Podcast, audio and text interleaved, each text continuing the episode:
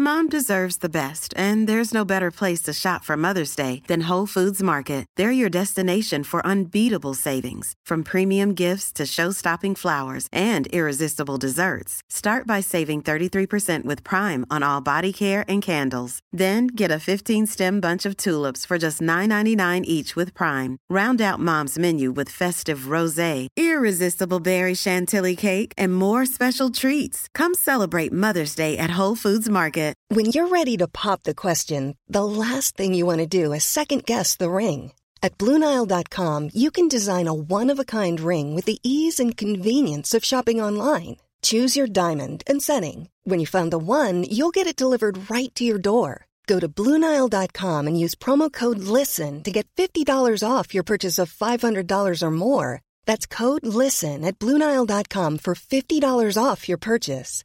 Bluenile.com code LISTEN. Many of us have those stubborn pounds that seem impossible to lose, no matter how good we eat or how hard we work out. My solution is PlushCare.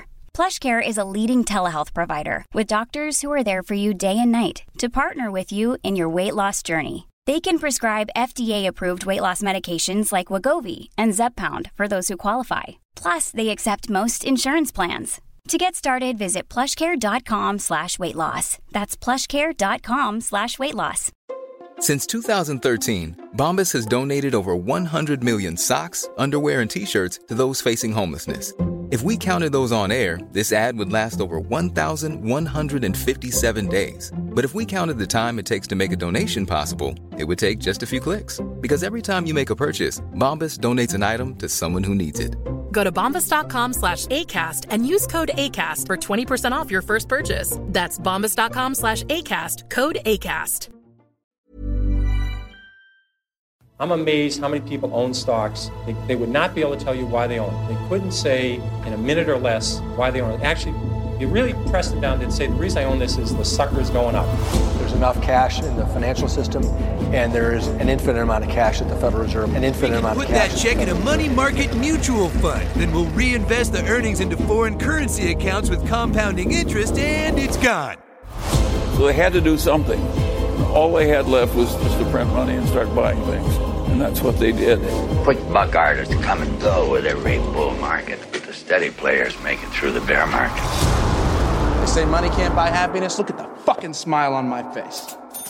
Hej och välkommen till ett nytt avsnitt av Market Makers. Och du eh, Fabian, lever du eller? Ja, jag lever. För idag ska vi snacka microcaps. Och vad är roligare än det? Jag skulle nästan vilja dra det så långt ner till nanocaps, eh, i mitt fall i alla fall. Ja, vi ska ju snacka två superheta case. Vi ska ju snacka SAS-bolaget Decide Act och sen ESG slash bioplastbolaget Bioextrax. Ja, men precis. Och eh, det här är bolag som bara för några veckor sedan faktiskt var helt nya för mig. Så det ska bli jättekul att, att kika på dem. Annars blir det lätt att man fastnar i, i bolag som man har känt till länge. Så vi, vi testar att gå lite lägre i market cap. Och i, i och med det så vill jag ändå verkligen trycka lite extra på den här veckan att du ska alltid göra din egen analys. Det här är ingen rådgivning rekommendation och du ska inte köpa eller sälja någonting bara för att vi har gjort det. Utan eh, gör alltid din egen analys som sagt och glöm aldrig att alla investeringar förknippade med någonting som rimmar på fisk. Ja, du är nämligen risk. Ja, men ska vi börja kanske med Bioextrax? Eh, det är ett litet ESG-case kanske? Ja, exakt. Jag ska ju snacka om bioextrakt och det är som du säger, det är lite av ett ESG-case och jag har sett det här flyga runt lite på Twitter senaste tiden. Eh, en kille som heter Daniel Frändberg lyft upp det och det fick ju mig att eh, spara in det här caset och eh, det är lite utanför min comfort zone vanligtvis, men jag tycker att det är jäkligt intressant. Det är ju tickern BIOEX, eh, noterad på Spotlight. Och eh, precis som det andra bolaget vi också ska prata om idag så är det ganska låg, eh, lågt börsvärde och också ganska låg likviditet i aktien. Så tänk på det bara eh, när ni lyssnar på det här. Bioextrax grundades 2014 som en spin-off från Lunds bioteknikavdelning.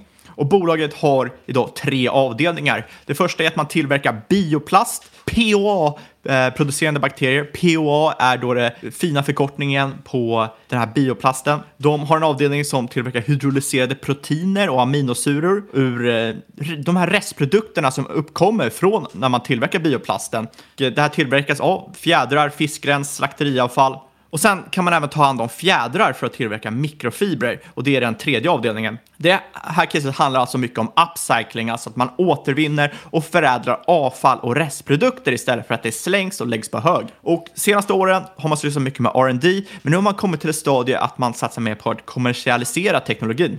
Det pratade vi om för några veckor sedan när vi pratade om Inari Medical, just det här med kommersialiseringsfasen.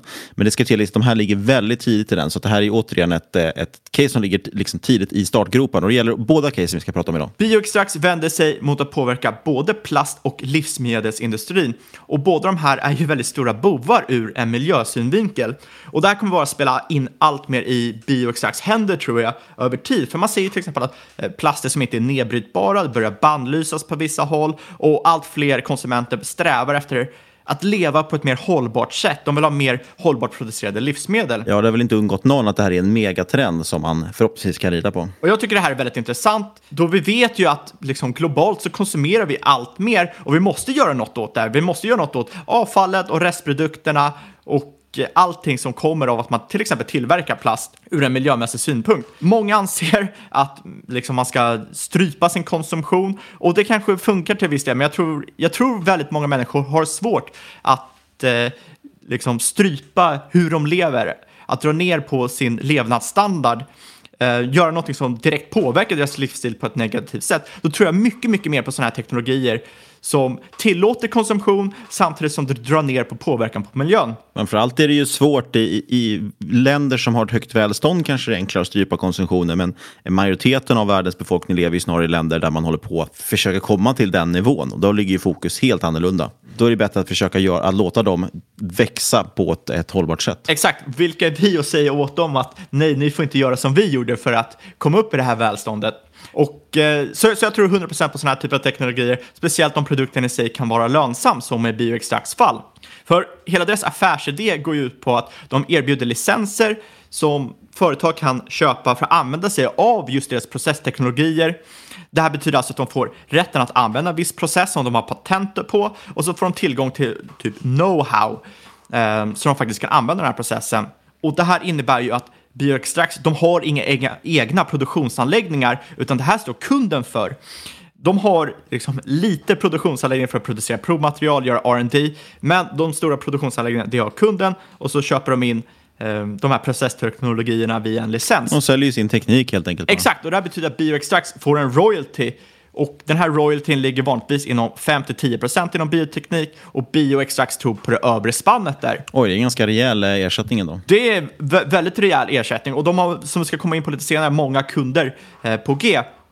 Och en stor fördel med Bioextrax är att man använder kommersiellt tillgänglig eh, standardutrustning eh, för i stort sett alla steg i, i stort sett, nej, för alla steg i produktionen. Och det här innebär att kunden har en lägre risk när de skalar upp, för de behöver inte köpa in ny teknik för att kunna använda sig av Bioextrax. Kan vi inte gå igenom de här tre benen? För jag tyckte att det lät helt obegripligt när du presenterade Absolut. Vi hoppar in på PA, vilket är bioplast. Och det här är enligt mig den heliga graalen. Att använda bakterier för nedbrytning av proteinrika material och på så sätt ta fram biobaserade och biologiskt nedbrytbara plaster. Och som sagt, det här kallas vanligtvis för PA. Det står för polyhydrocynialkonater. Jag tror att jag helt missfört, liksom, eh, uttalade det här fel. Eh, så jag kommer använda mig av ordet bioplast istället. Men bioplast, eller PA, alternativ till plast eh, producerat av fossila bränslen. Den här bioplasten är alltså 100% nedbrytbar, 100% biobaserad, eh, så, så, att det är väldigt så ESG-approved. Eh, men Bioextrax har en metod som också har 50% lägre produktionskostnad än andra bioplastproduktionsmetoder. Och det betyder ju att det finns en anledning varför kunder ska vilja ha det här. Och eh, deras bioplastmetod är också väldigt intressant för att eh, det kan ersätta upp till 70% av alla plaster gjort på fossila bränslen. Så att det har faktiskt en liksom riktig användning där ute i världen. Man kan ju se många bioteknikföretag som de inte riktigt, de försöker göra något coolt men det fungerar inte riktigt när man försöker applicera den riktiga världen. Och där har ju Bioextrax verkligen lyckats med det här. Ja, men här finns ju ändå alla, alla här finns ju ändå incitamenten till att eh, ge bort 5-10% av sin omsättning till det här bolaget. Just för att dels får man ESG-stämpeln, plast upplöses på ett hållbart sätt och det går faktiskt att använda den här för att ersätta liksom, vanlig plast. Så det är ju superbra.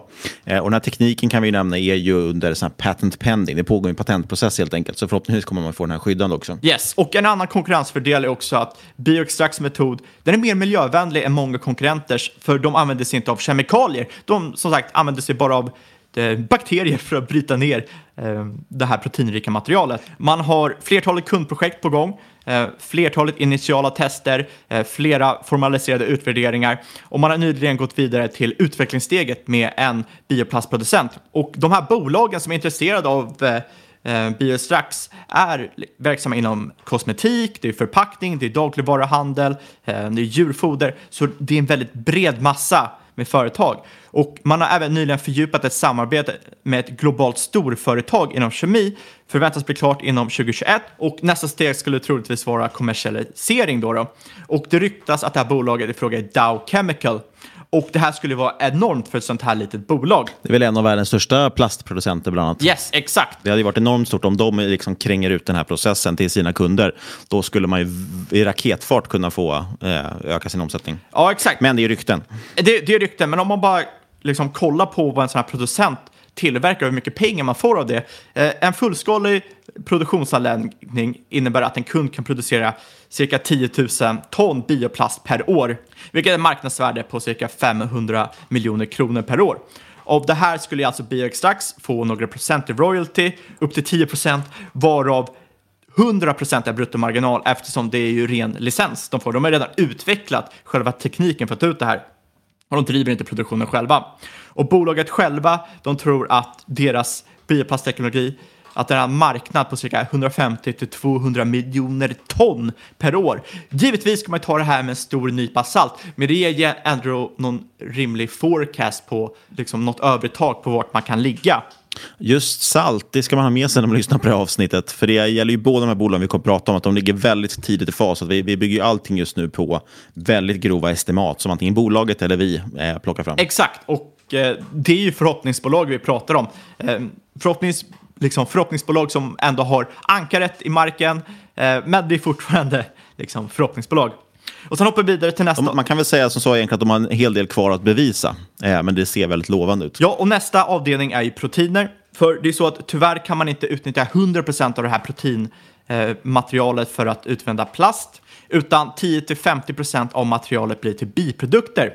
Men de här biprodukterna hamnar inte i en sophög, vilket är väldigt trevligt. Ehm, för det är så, eftersom man använder proteinrika material för att ta fram sina bioplaster så får man så kallade hydrolyserade proteiner som biprodukt. Och det här kan faktiskt användas som till exempel foder till djur eh, istället för att använda till exempel fiskmjöl eller soja som man ofta använder idag. Och det här kanske låter lite läskigt, men egentligen inte konstigare än att vi som människor dricker proteinshakes. För de är oftast gjorda på vassle och vasslen är en biprodukt från till exempel ostproduktion. Och det här innebär att biprodukten också kan säljas vidare. Och när man har snackat då med kunder så prissätter de fodret på cirka 10-20 kronor kilot. Och det här innebär att det här kan ju bli en betydande intäkt för bolaget. För marknadspriset på den billigaste typen av bioplast är cirka 50-60 kronor kilot. Ja, proteinet är också det är liksom väldigt smältbart, nästan 100% smältbarhet, 100% biobaserat, eh, 60% proteinhalt och man pågår som sagt just nu tester med globalt bolag verksamt inom avfallshantering och djurfoder. Men man har ju sett också att den här plattformsteknologin fungerar inte bara för bioplaster utan kan användas för resursutnyttjande av fjädrar.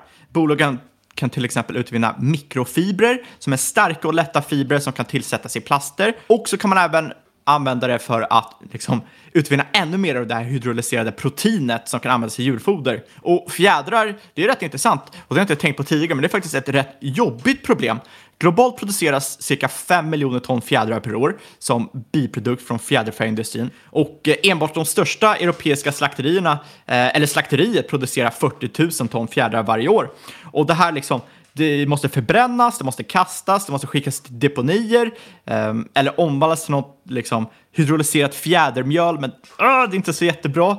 Helt enkelt fjädrar tar supermycket plats, det är superjobbigt att hantera och eh, avfall, eller och, eh, slakterier, liksom, de betalar för att företag ska komma och hämta upp det och göra sig av med avfallet åt dem. Liksom, jättemycket avfall för att vi ska kunna käka våra kycklingar. Grejen är att fjädrar till 91% består av proteinet keratin det går att göra väldigt mycket av det här om man bara har en teknik man kan utnyttja, bland annat för att hydrolysera protein. Och eh, det har ju biextrakt. Och när man, liksom, när man använder deras hydrolyserade protein, skillnaden med till exempel fjädermjöl eh, är att det krävs stora mängder kemikalier och energi eh, för att producera fjädermjöl och det har väldigt låg smältbarhet och lägre näringsinnehåll. Eh, då är proteinet som Bioextrax utvinner en bra mycket bättre produkt. Vad, vad innebär egentligen smältbarhet? Ja, ja sm smältbarhet, digestibility, det är egentligen ett mått på hur enkelt det är för djuret att tillgodogöra sig proteinet. Så det är inte 100%... lätt att man kan smälta det i en ugn alltså? Och göra en form, en deg av det? Nej, exakt. Det är liksom i, i kroppen och ta åt sig näringen och liknande. 100% smältbarhet, alltså dubbelt så mycket värt som 50% smältbarhet. Fick vi mattelektion också, det var bra. Ja, exakt. Bi Bioextrax, de har ju nästan 100% smältbarhet. Och eh, så här, konventionellt hydrolyserat fjädermjöl har 75%, så det är en bra mycket, liksom, bra mycket högre än så. Så det är ett väldigt effektivt egentligen foder på det sättet. Det blir inte så mycket restprodukter av det heller. Exakt, och som sagt, eh, man snittar väl typ 15 kronor kilot för det här proteinet. Och inom det här området, då är egentligen det enda som begränsar, ja, det är mängden fjädrar man kan få tag i. Det finns åtta slakterier i Europa som bara de producerar mer än 30 000 ton fjädrar per år eh, per slakteri och volymerna i, på nordamerikanska marknaden är ännu högre. Så att det finns väldigt, väldigt mycket fjädrar man vill göra sig av med. Och eh, man har en potentiell kund som vill hydrolysera 100 000 fjädrar per år, en uppskattad royalty på cirka 50 öre kilot och det här skulle innebära en intäkt på 50 miljoner kronor per år endast från en enda kund. Det är ju otroliga mängder för att ta hand om lite fjädrar. Ska sättas mot ett eh, market cap på 260 miljoner eller vad det är för det här bolaget. Exakt. Det är rätt intressant. Skulle få PS5 på bara den siffran. Och eh, man har idag också ett samarbete med avfallshanteringsbolaget som eventuellt kan få global exklusiv, eh, exklusivitet för att de, Bioextrax tycker att de är en optimal partner för dem. Eh, de har kommunicerat en icke-bindande målsättning om att starta produktion av djurfoder i slutet av 2021 eller början av 2022 och i så fall skulle Bioextrax erhålla mellan 6 till 18 procent av vinstmarginalen. Och det här innebär ju att de kan bara sitta, låta det här äh, sitta och ticka in pengar åt dem. De behöver inte göra någonting.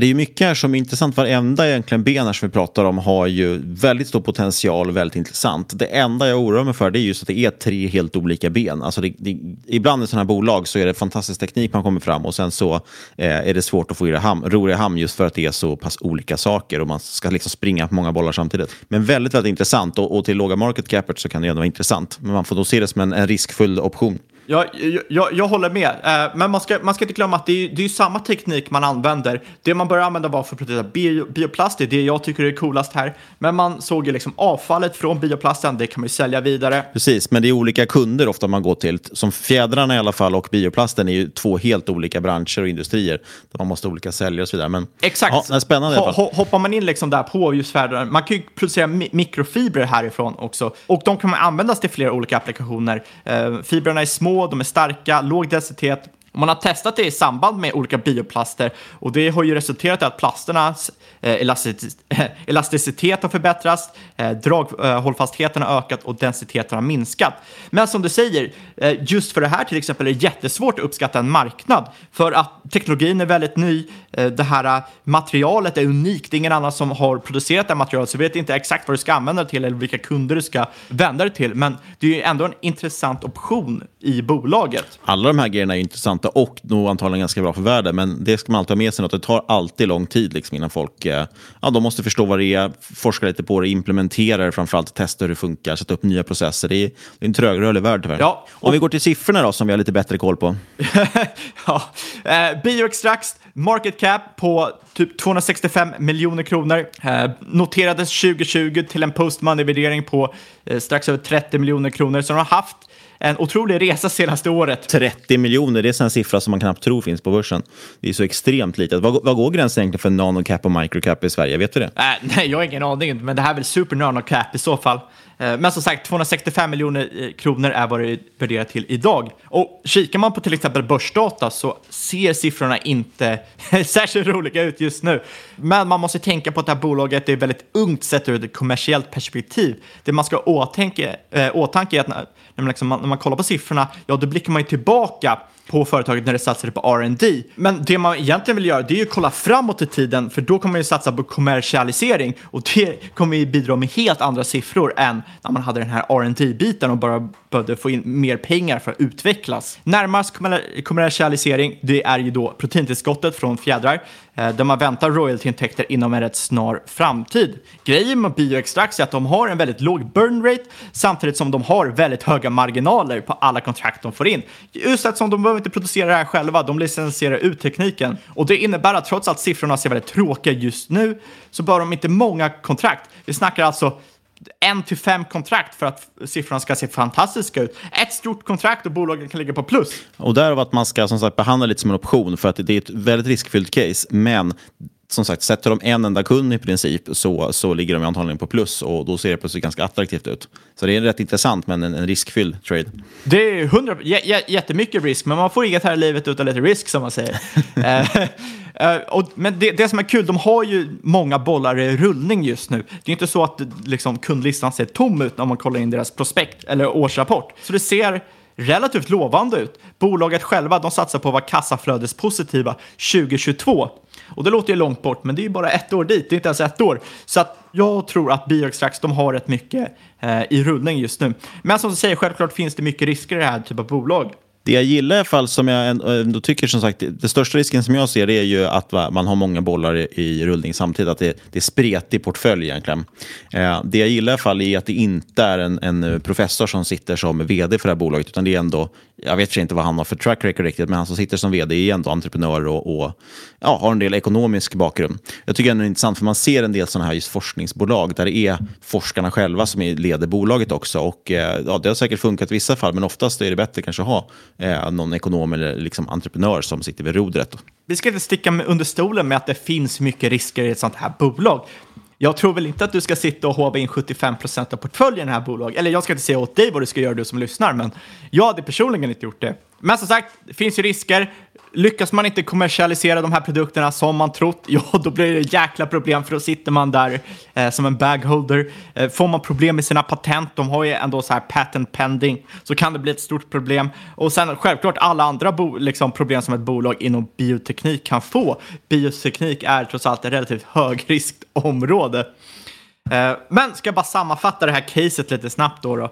Eh, det här är ett förhoppningsbolag med intressant teknologi som kan få stor påverkan inom både plast och livsmedelsindustrin. Det är två problemindustrier ur en miljösynvinkel. Deras bioplast kan eventuellt ersätta 70% av alla plaster av fossila bränslen samtidigt som det är billigare för kund och väldigt, väldigt eh, miljövänligt. Lägg, lägg där till på hydrolyserade proteiner, eh, lägg på mikrofiber och helt plötsligt får man en, eh, ett rätt intressant bolag.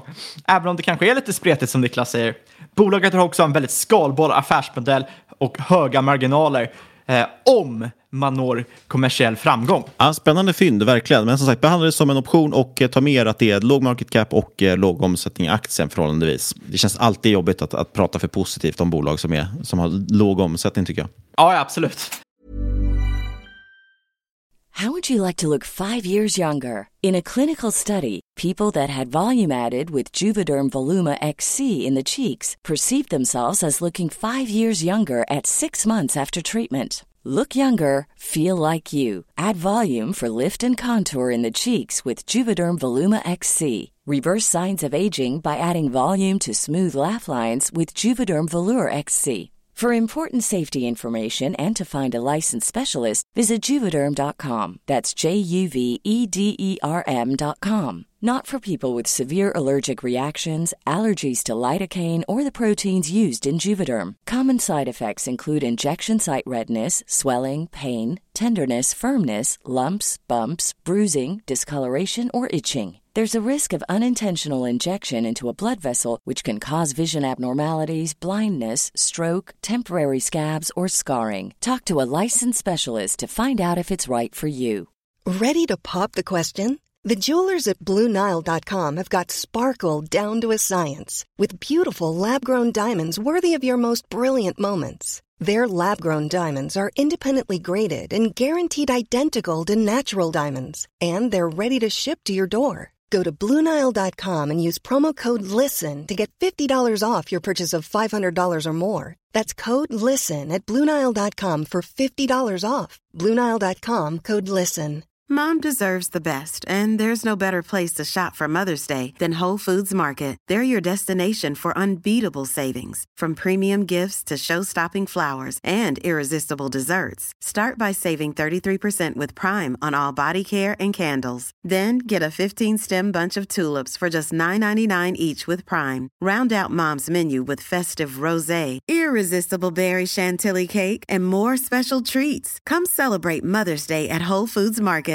Quality sleep is essential. That's why the Sleep Number Smart Bed is designed for your ever evolving sleep needs. Need a bed that's firmer or softer on either side? Helps you sleep at a comfortable temperature? Sleep Number Smart Beds let you individualize your comfort so you sleep better together. JD Power ranks Sleep Number number 1 in customer satisfaction with mattresses purchased in-store. And now, save 50% on the Sleep Number limited edition Smart Bed for a limited time. For JD Power 2023 award information, visit jdpower.com/awards. Only at a Sleep Number store or sleepnumber.com. Since 2013, Bombas has donated over 100 million socks, underwear, and t-shirts to those facing homelessness. If we counted those on air, this ad would last over 1,157 days. But if we counted the time it takes to make a donation possible, it would take just a few clicks. Because every time you make a purchase, Bombas donates an item to someone who needs it. Go to bombas.com slash ACAST and use code ACAST for 20% off your first purchase. That's bombas.com slash ACAST, code ACAST. Med det sagt så har vi in på ett bolag som har ännu lägre omsättning. eh, Bioextrax har ju ändå 1300 ägare någonting på Avanza och eh, ja, det omsätts några hundratusen i alla fall. Nu tänkte jag prata om ett bolag som heter Decide Act som jag hittade ganska nyligen också för någon vecka sedan. Så där har vi bara 80 ägare drygt på Avanza eh, och senast tittade jag idag så har det omsatts 40 000 danska. Så det är inte, ett, eh, ja, det är inte någon eh, frekvent handel det här bolaget, så får man ta det lite, lite försiktigt, ha lite tålamod. Men det är ett intressant bolag från, eh, från Danmark som heter Decide Act. Ticken är ACT. Och det som är intressant här, det här är en riktig nanocap. Eh, 120 miljoner danska kronor ungefär i, i eh, market cap. Så det blir väl, vad blir det, 170 svenska kanske. Det som är intressant är att det här är en first mover inom en ny gren eller ny nisch egentligen. Eh, och skulle man då kunna exekvera enligt plan här och, och lyckas så kan det bli rätt intressant. Eh, man kommer ju dock in väldigt tidigt, precis som i bioextrakt, så att man ska ta med sig alla de här riskerna som vi prisar lyft, gäller även för det här bolaget. Den här nischen i fall kallas för Strategy Execution Management and Governance. Det låter ju lovande att det är Strategy Execution, för det är det det här bolaget behöver ha också själva. eh, men det är helt enkelt, man har byggt en plattform egentligen för att definiera och exekvera strategier internt på bolag. Tanken är att man på plattformen kan omvandla en strategi som ledningen kommer med till siffror på olika sätt så det blir mätbart. Och sen ska man då kunna följa upp det på ett bra sätt och få hela organisationen att gå åt samma håll helt enkelt. Eh, för det är väldigt mycket så idag, de strategimodeller som finns, ja det är, det är mycket gamla modeller som man håller på med och sen gör man mycket powerpoints och så försöker man sprida ut det här företaget. Eh, men här ska man då kunna liksom, ja, få, få, göra det kvantifierbart så det går att mäta och att det går att hålla folk ansvariga också, att de får uppgifter och så de ska utföra. Det som lockar förstås är, det är en SAS-plattform eh, SAS förstås. Eh, molnbaserat, superskalbart. Eh, men det kräver också en hel del konsulttid så här i början. Och eh, om inte jag missförstått så är det ju till stor del ett konsultbolag från början som det här bygger. Ju. Det är ju konsulter som har varit duktiga på den här typen av, av eh, ja, exekvering av strategier. Och man har sett att eh, kunderna har det här problemet och att det saknas en plattform för det. Ja, det är ju inte helt fel. Det är ju som eh, techlegenden Paul Graham från Y Combinator säger, do things that don't scale. Och det är så det måste vara i de här unga bolagen. Det, det finns ju den här eh, vanliga talesättet uh, make a great product and the customer will come. Men det stämmer ju aldrig. Du måste verkligen kunna sätta det här rundningen. Så det, jag tror inte att det är fel att du, du måste lägga konsulttid för att få igång Nej, och, och jag gillar ju att det kommer faktiskt från en, en, ja, men ett faktiskt behov. Eh, det här är ingen hittepå-produkt, inte de som suttit på sitt studentrum och snickrat ihop en app, en app och så tror de att de ska bli nästa Facebook. Utan man har ju sett att kunder, man har ju faktiska kunder som har problem med det här. Man har haft kunder som varit med och utvecklat det här, eh, tagit fram den här applikationen. Sen har man då liksom videoutvecklat den så att den ska bli skalbar och kunna återanvändas och säljas och tjänas pengar på. Eh, och man har just i dagsläget, som sagt, jag tror att det här med konsultdelen, för idag hjälper man också kunderna mycket komma igång och jag ska komma in på att det finns lite olika paket på det här. Men eh, det som är poängen är att på sikt så är tanken att man skalar ner den delen. Man vill ju hela tiden såklart att licensdelen ska bli större. Det är det alla SaaS-bolag drömmer om. Men i början så krävs alltid mycket konsulttid för att komma igång och då blir det en större del av intäkterna. Eh, det finns i alla fall tre alternativ i dagsläget. Antingen hyr man bara plattformen, eh, sköter allting själva. Där kanske man framförallt blir intresserad, alltså det typen av paket är väl framförallt intressant när man är en stor känd plattform som typ Salesforce eller något. Där det finns jättemånga experter redan på det. Eh, men sen finns det också en del då där man outsourcar liksom support implementation, det vill säga det är Decide Act och deras konsulter som hjälper dig liksom att, att eh, ja, men jobba med de här strategierna i plattformen och sen hyra också plattformen samtidigt. Och sen finns det förstås också en jättestor enterprise-variant där de går in också och in, integrerar med affärssystem och datakällor som man redan har och så vidare. Så man knyter samman hela företagets data och kan liksom visualisera allt. Eh, och det här kan man också hålla på och, och skräddarsy vissa paket i. Det. Till exempel en intressant vertikal, det här med CSR, alltså Corporate Social Responsibility. Kommer vi in på det här med ESG igen och att, att bolag ska liksom göra gott så att säga. Eh, och då har man helt enkelt tagit fram, som jag förstår det, lite färdiga olika mål och strategier liksom kring ja, men, som är kopplat till FNs de här globala målen. Så att, så att företag helt enkelt kan få nästan en färdig strategi för hur ska vi kunna bli mer liksom, ESG egentligen. Så det tycker jag är ganska intressant. Programvaran man har byggt den ska vara enkel att använda. Eh, dessutom lätt att integrera med till exempel Power BI från Microsoft eller Tableau. Båda är välkända och välanvända verktyg för att visualisera data och skapa interaktiva rapporter så som man kan återrapportera. Och egentligen, alltså grundtanken någonstans är att skapa ett affärssystem som presenterar mjuka värden, eh, mål, strategi, vision. Eh, precis på samma sätt som ditt ekonomisystem visar bolagets finansiella situation så ska det här kunna visa liksom, hur vi exekverar eh, i vår strategi. Egentligen. Och det känns ju som ett eh, område som är tokhett just nu. För att går du in på till exempel LinkedIn, det är det enda det snackas om nu för tiden. Det är att liksom kunna få in de här mjuka värdena. Ja, och det här trycker ju bolaget själva på. De, de menar ju på att det här är liksom en ny framväxande nisch. Eh, och det är det som är intressant. Att det här har egentligen en, en marknadsledare, men på en enormt liten liksom, plattform, en enormt liten nisch. Eh, vill man vara riktigt bullish, ja, då jämför ju bolaget själva sin, sig mot eh, CRM-marknaden. Det vill säga man tittar på liksom att okay, men CRM-system, det här borde bli lika stort som CRM-system. Och CRM-system har en marknad som är värd typ 40 miljarder dollar. Någonting. Eh, ta det med en stor nypa salt. Men det finns fortfarande ett jättebehov. Alla företag har ju visioner och strategier som ska implementeras och mätas. Eh, så att, eh, deras förhoppning är förstås att på lång, lång sikt så ska man vara marknadsledare här och kanske ha 10-15 procent av den marknaden som Salesforce har inom CRM. Och det här området kan jag bara nämna, det kallas för Strategy Execution Management eller SEM. Men bolaget som sagt det är ganska litet och de är också nya på börsen. Man noterades i december. Eh, man håller fortfarande på med halvårsvis rapportering. Det gillar jag inte riktigt. Det är väl bra i för sig att bolaget fokuserar på sin kärnverksamhet, men det är ganska trist för aktien att det bara kommer rapporter varje halvår. Men årsrapporten för 2020 finns ute i alla fall. Och det man kan fråga sig varför de noterar sig, ja, det är på den här klassiska storyn att de ska ta in pengar för att kunna satsa stenhårt på tillväxt. Och dessutom ger noteringen också en viss legitimitet att man är börsnoterade. Eh, man tog in 25 miljoner då, eh, av det betalar man drygt 10 procent i noteringskostnader. Det är alltid banken som vinner. Eh, men något som jag gillar i alla fall som man kan se i prospektet är att vid noteringen, då, även när man tar hänsyn till hela utspädningen, så är ändå drygt 40 procent av bolagets aktier i händerna hos insynspersoner. Så det är liksom ändå ganska stort insiderägande. Då. Och det som är intressant här egentligen sagt, allt här handlar återigen om framtiden. Tittar vi bakåt så är det totalt ointressant. Bolaget har i princip ingen omsättning, det har till och med nästan noll i omsättning. Eh, så att här pratar vi bara om framtiden återigen. Eh, och då får man ju titta på, okay, vad är det som, som bolagets mål egentligen de sätter upp? Det är att de ska kunna ha eh, runt 57 miljarder danska kronor år 2023 i återkommande eh, intäkter. Eh, motsvarar 75 miljoner SEK ungefär. För 2021 siktar man på 9,5 miljon. Eh, och det skulle motsvara att man växer ja, runt 100 procent på årsbasis liksom, över de här tre kommande åren. Och man hävdar ju att, själva att man, det här är ett försiktigt räknat mått. Eh, man hävdar också att man är på god väg och det ser ut som det om man tittar på de pressmeddelanden som skickas ut. För man signar avtal på löpande band just nu. Eh, tittar vi på bolaget i november 2020, alltså precis noteringen, då hade man ungefär 23 kontrakt. Slutet på 2020 eh, så, så förväntade man sig att man hade runt 30 kontrakt. Bara första fem veckorna 2021 har man fått åtta nya kontrakt och målet 2021 är 85 kontrakt. Just nu ligger man alltså på hälften av det ungefär. Eh, så man är på väldigt god väg. Och Det är också det som är lite kul med att man börjar följa Wolt, att det, det tickar, plingar till liksom, känns det som nästan bara varannan dag med ett nytt eh, pressmeddelande om ett nytt avtal. Till exempel senast signade man 9 april något kontrakt med en fransk inkubator. Det här är liksom en, en ganska det är det som är intressant. De är dels globala, det är väldigt skalbart och det är verkligen bolag i alla typer av branscher. Som sagt, det här var en inkubator, alltså en, en verksamhet för att hjälpa startups att komma igång. Eh, men man har liksom eh, danska försäkringsbolag, vi har isländska kyrkan använder Decide Act. Eh, så det är helt enkelt en produkt som lämpar sig för jättemånga olika typer av organisationer. Egentligen alla typer av medelstora eller stora företag skulle jag säga. Lite milstolpar då, för vi pratar ju om vad man ska göra framåt. Under 2020 fokuserade man på att lansera en ny version av produkten som ska vara mer, mer robust och bättre helt enkelt. Man initierar också försäljning och marknadsföring i Danmark, Kanada och Frankrike. Och samtliga tre marknader bär redan frukt nu i och med, i och med ett gäng nya kunder och avtal. Men målet framåt då? det är att 2021 då ska man lansera en blockchain-del. Jag tror faktiskt att den redan är lanserad. Och Det är egentligen tänkt för governance och att sköta liksom, ja, men datan du har internt i företaget och de här målen. Jag vet inte egentligen hur intressant det är, men bolaget tycker att det är coolt.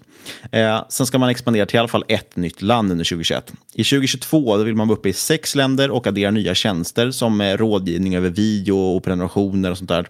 Och Det här är liksom en del av en större strategi, att man ska bli heltäckande experter. Det ska inte bara vara plattform, utan plattform ska också innehålla hjälp och workshops och webbinarier och grejer för att lyckas exekvera sin strategi. Och sen 2023, det är så långt fram vi har guidning, eh, då vill man vara i totalt 10 länder, inklusive USA som är en jättestor marknad. Och förstås så ska man trycka in AI här också, så man får lite automation och prognoser och sådana saker på den data man har. Så, så du får alltså ett förhoppningsvis skalbart bolag som kan verka globalt? Precis, det här är ju liksom drömcaset inom SAS, om de lyckas exekvera. Det är det som är det stora ommet här. Eh, så tittar man på det återigen, om vi, om vi pratar om eh, Bioextrax där, det är ju verkligen en option. Det är antingen eller lite grann. Eh, men landar med en kund så blir det väldigt intressant. Här är man ju på full gång, men det man vill se det är ju hur marginalerna landar. Eh, vi vill se att de faktiskt exekverar och liksom landar fler och fler kontrakt och får upp omsättningen. Eh, så man ska vara ganska försiktig. Gillar man det här bolaget så ska man skala in långsamt tror jag. Liksom, att, att allt eftersom köpa in till dem när man faktiskt ser att det kommer leverans liksom, på det de säger. Eh, för vi har ju inte mycket track record på, på bolaget eller människorna i bolaget. Egentligen. Nej, exakt. Men det som är intressant är ju att det är en ny nisch. Eh, de kan antagligen ta en rätt stor del av den kakan eftersom det är inte så många bolag som ännu är up and running i den här nischen. Nej, det finns ju inte så mycket konkurrens eftersom det liksom inte är någonting att konkurrera om heller. Men som sagt, man har ju väldigt högt flygande planer. Man tror att det här kommer bli väldigt stort. Vi får se om det är sant eller om det är de som hittar på det. Men annars, med tanke på hur mycket avtal man signar så verkar det som att intresset finns. Men samtidigt lyfter man själva upp att den absolut största risken i bolaget enligt dem själva är konkurrensen. För det är ju klart att blir det här stort då kommer ju antagligen väldigt många försöka kopiera och göra samma sak. Självklart så är det. Men äh, alltid en fördel med de här SaaS-bolagen, det är har du ett försprång, fram, framförallt ett försprång med data, då får du igång den här flywheelen som förhoppningsvis kan få igång momentumet så man springer ännu, ännu snabbare och springer ifrån konkurrensen som man har sett på de här amerikanska SaaS-bolagen. Nej, men exakt, och det är därför jag tror att ska man vara med i det här så ska man ha väldigt lång, lång sikt på det. Man, man, återigen, man dunkar inte in 75 procent av portföljen på liksom dag ett, utan det här är någonting som får ske över lång tid när bolaget bevisar sig. Precis som vi kan ta ett litet exempel, Plaid som jag har, har ägt och, och tittat på i flera år, liksom, där man gått lite in och ut just för att man velat se att de faktiskt exekverar och att, att det finns en skalfördel i det. Men eh, som sagt, bolaget nu, de har precis eh, emitterat aktier så att de har ju trevlig kassa just nu, inga problem med skuldsättning. Jag ser inga problem med deras burn rate eh, om man nu får effekt av försäljningen eh, och framförallt man inte går bananas med, med personalstyrkan eller mark galen marknadsföring. Så, så vi, man, man, måste ju liksom helt enkelt eh, använder de här pengarna väl förstås. Eh, det, det ser man ibland exempel på bolag som tar in massa miljoner och så spenderar de det på absolut ingenting. Och supersvårt med siffror här, men vi kan ju ändå använda bolagets guidningar för framåt och bara se lite snabbt vad vi får. För det är ett så pass lågt börsvärde. Så att, tittar vi på 2021 då förväntar man sig nästan 10 miljoner danska då i återkommande intäkter. Och vi utgår då säger vi från att det är hela omsättningen, men det borde ju finnas en konsultdel också. Men då ska vi landa på ett PS på 12 på de siffrorna. Låt säga att vi har kanske det borde vara höga bruttomarginaler, men låt säga att lite optimistiskt räknar vi 10% vinstmarginal. Det är optimistiskt för att det kommer inte ske på så kort horisont. Eh, det kommer ta väldigt lång tid antagligen innan man får upp det där. Men 10 vinstmarginal, ja, då skulle vi få ett PE på 120 då, på 2021 års siffror. Betydligt roligare blir det på 2023 som de sträcker ut sin guidning till. Då har vi nästan 60 miljoner danska in, PS på 2 ger det och ett PE på 20 med en antagen vinstmarginal om 10 procent. Och då låter det rätt rimligt. Ja, men och det är lite sam samma som med Bioextrax där, att eftersom det är så pass lågt börsvärde eh, så går det ganska fort. Får man in ett par stora kontrakt och det börjar snurra igång, eh, ja, då blir det ganska fort attraktivt helt enkelt. Men det är på lång horisont. Absolut, men det man ska tänka här 2023, det är inte längre så långt bort. Um, jag, jag sitter i alla fall fortfarande här och tänker 2023, fan det är ju fem, sex år bort. Då är man ju 50 bast. Ett och ett halvt, exakt, det är ett och ett halvt år bort. Det går snabbare än vad man tror. Ja, det här ska bli spännande att se om de har skruvat upp förväntningarna för högt eller om de faktiskt kan leverera. Levererar de 50-60 miljoner i, i återkommande intäkter om, om eh, tre år, då är jag faktiskt väldigt imponerad. Eh, då är det intressant. Och det är så jag tror man ska tänka sig. Det här är inte helt beprövat, eh, varken bolaget eller ens nischen de är inom. Eh, så det här är någonting man i sånt fall, om man gillar det så ska man då ta det långsamt och addera till det när man ser den här skalbarheten och lönsamheten. Det finns en stor risk att man tagit sig vatten över huvudet också, som sagt, när man fått in färska pengar, man kanske sätter sprätt på dem utan någon plan. Eh, förhoppningsvis dock, som sagt, använder de sitt eget strategiverktyg då för att inte hamna där. Och sen ska vi oroa oss lite för konkurrensen också, men eh, den kommer nog komma senare på, i sånt fall om det här faktiskt exploderar. Hur, hur skulle du sammanfatta det här caset då för våra lyssnare som kanske har sett en fin ekorre springa förbi på sin, på sin morgonpromenad och inte har haft full attention till vad du har sagt. Nej, men sagt, det är en eh, first mover nanocap som kan bli väldigt intressant om de lyckas exekvera enligt plan. Men då är man inne på ett väldigt tidigt stadie. Och det är väl det alla drömmer om, att vara inne, vara först inne i Fortnox eller eh, eh Storytel eller Salesforce eller någonting. Eh, men som sagt, det, det, är ju inte varje bolag som blir ett nytt Salesforce, så att eh, chansen att man lyckas med det är väldigt, väldigt liten. så återigen, hantera som ett väldigt högriskcase och kanske någon form av nästan av option. Då. Två nanocaps och som sagt det är lite känsligt att prata om sådana små bolag. Eh, ja, vi får se. Jag hoppas att inte att det blir någon tokigheter, men vi kanske ska dra en innehållsförteckning också för att se om vi har intresse i de här bolaget. Och eh, jag äger faktiskt lite, lite grann i Decidact, väldigt lite. Eh, men som sagt, tanken är väl att kan de exekvera, då tror jag det kan vara intressant, men man måste ha väldigt mycket tålamod tror jag. Och med halvårsrapportering så, ja, vi får se, det kan nog vara en stökig aktie med så låg omsättning i den dessutom också. Bioextrax äger dock ingenting i, men det låter ju faktiskt som ett rätt kul case. Kanske blir en liten krydda man Ja, jag tycker båda låter väldigt intressant, men jag äger inga just nu, kanske framöver, men jag vill inte hamna i fängelse, så att jag låter podden åka ut och låter börsen leva sitt liv innan jag eventuellt går in. Ja, det låter klokt, och det ska vi tillägga också, att vi har ju det som, som eh, praxis, eh, att alltid pratar vi om ett bolag i podden så är det så att då sitter inte vi och köper inför det, eh, och är det någonting vi äger som vi pratar om i podden, speciellt när det är så här lite likviditet i det, så är det inte så att vi sitter och säljer i samband med att podden åker ut. I sånt fall så kommer det ske om, om några veckor i sånt fall. Eh, så att vi inte liksom ska nyttja någon eventuellt marknadspåverkan. Nej, exakt. Glöm inte att inget du hör i den här podcasten, det ska inte ses som rådgivning. Vi är inga Peter Lynches, vi är inga George Soros. Vi är bara två lekmän. Alla åsikter är våra egna. Eventuella sponsorer, ja, de tar inga, inget ansvar för det som sägs i podden. Tänk också på att alla investeringar är förknippade med risk och sker under ditt egna ansvar faktiskt. Eh, du får jättegärna kontakta oss på podcast.marketmakers.se eller på Twitter, marketmakerspodd. Det är superkul när man ser folk som eh, taggar oss på Twitter och, och nämner att de gillar podden och, och lägger ut bilder när de lyssnar på podden. allt vad det är. Superkul. Berätta för dina vänner och familj också om podden. Och lämna jättegärna en recension på iTunes. Ja, vi hamnade faktiskt som featured på iTunes eh, senast idag när vi spelade in podden, vilket var otroligt roligt för det lockar in nya lyssnare som fastnar i det här träsket Eh, som kallas Market Makers. Ja, nu ska vi bara hitta någon utbildning eller någonting vi kan kränga på dem också. Det har jag sett att alla de här Aftonbladet och Expressen-artiklarna om daytraders som är 19 år gamla eller 17 år gamla och allt vad de är. Alltid när man går in och kollar sen på deras typ Instagram-konton, då säljer de alltid en kurs. Det är ändå intressant att eh, folk som får uppmärksamhet på första sidan i, i stora nyhetsblaskor och sen har de kanske tradat i två månader och nu har de börjat sälja kurser. Det är en speciell marknad vi är i. Så, så, så har du råd på hur vi ska kunna monetarisera podden bättre? För nu tjänar vi sämre än vad vi hade gjort jobba på Donken. Eh, så kontakta oss på podcast.marketmakers.se. Och sist men absolut inte minst vill säga stort tack för att du har lyssnat kära lyssnare. Vi hörs igen om en vecka.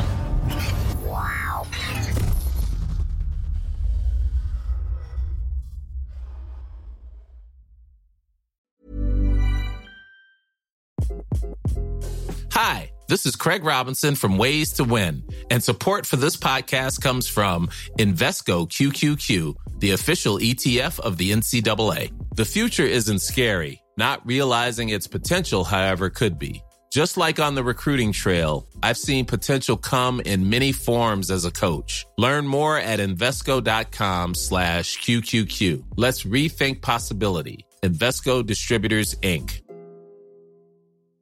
Mom deserves the best, and there's no better place to shop for Mother's Day than Whole Foods Market. They're your destination for unbeatable savings, from premium gifts to show-stopping flowers and irresistible desserts. Start by saving 33% with Prime on all body care and candles. Then get a 15-stem bunch of tulips for just $9.99 each with Prime. Round out Mom's menu with festive rosé, irresistible berry chantilly cake, and more special treats. Come celebrate Mother's Day at Whole Foods Market.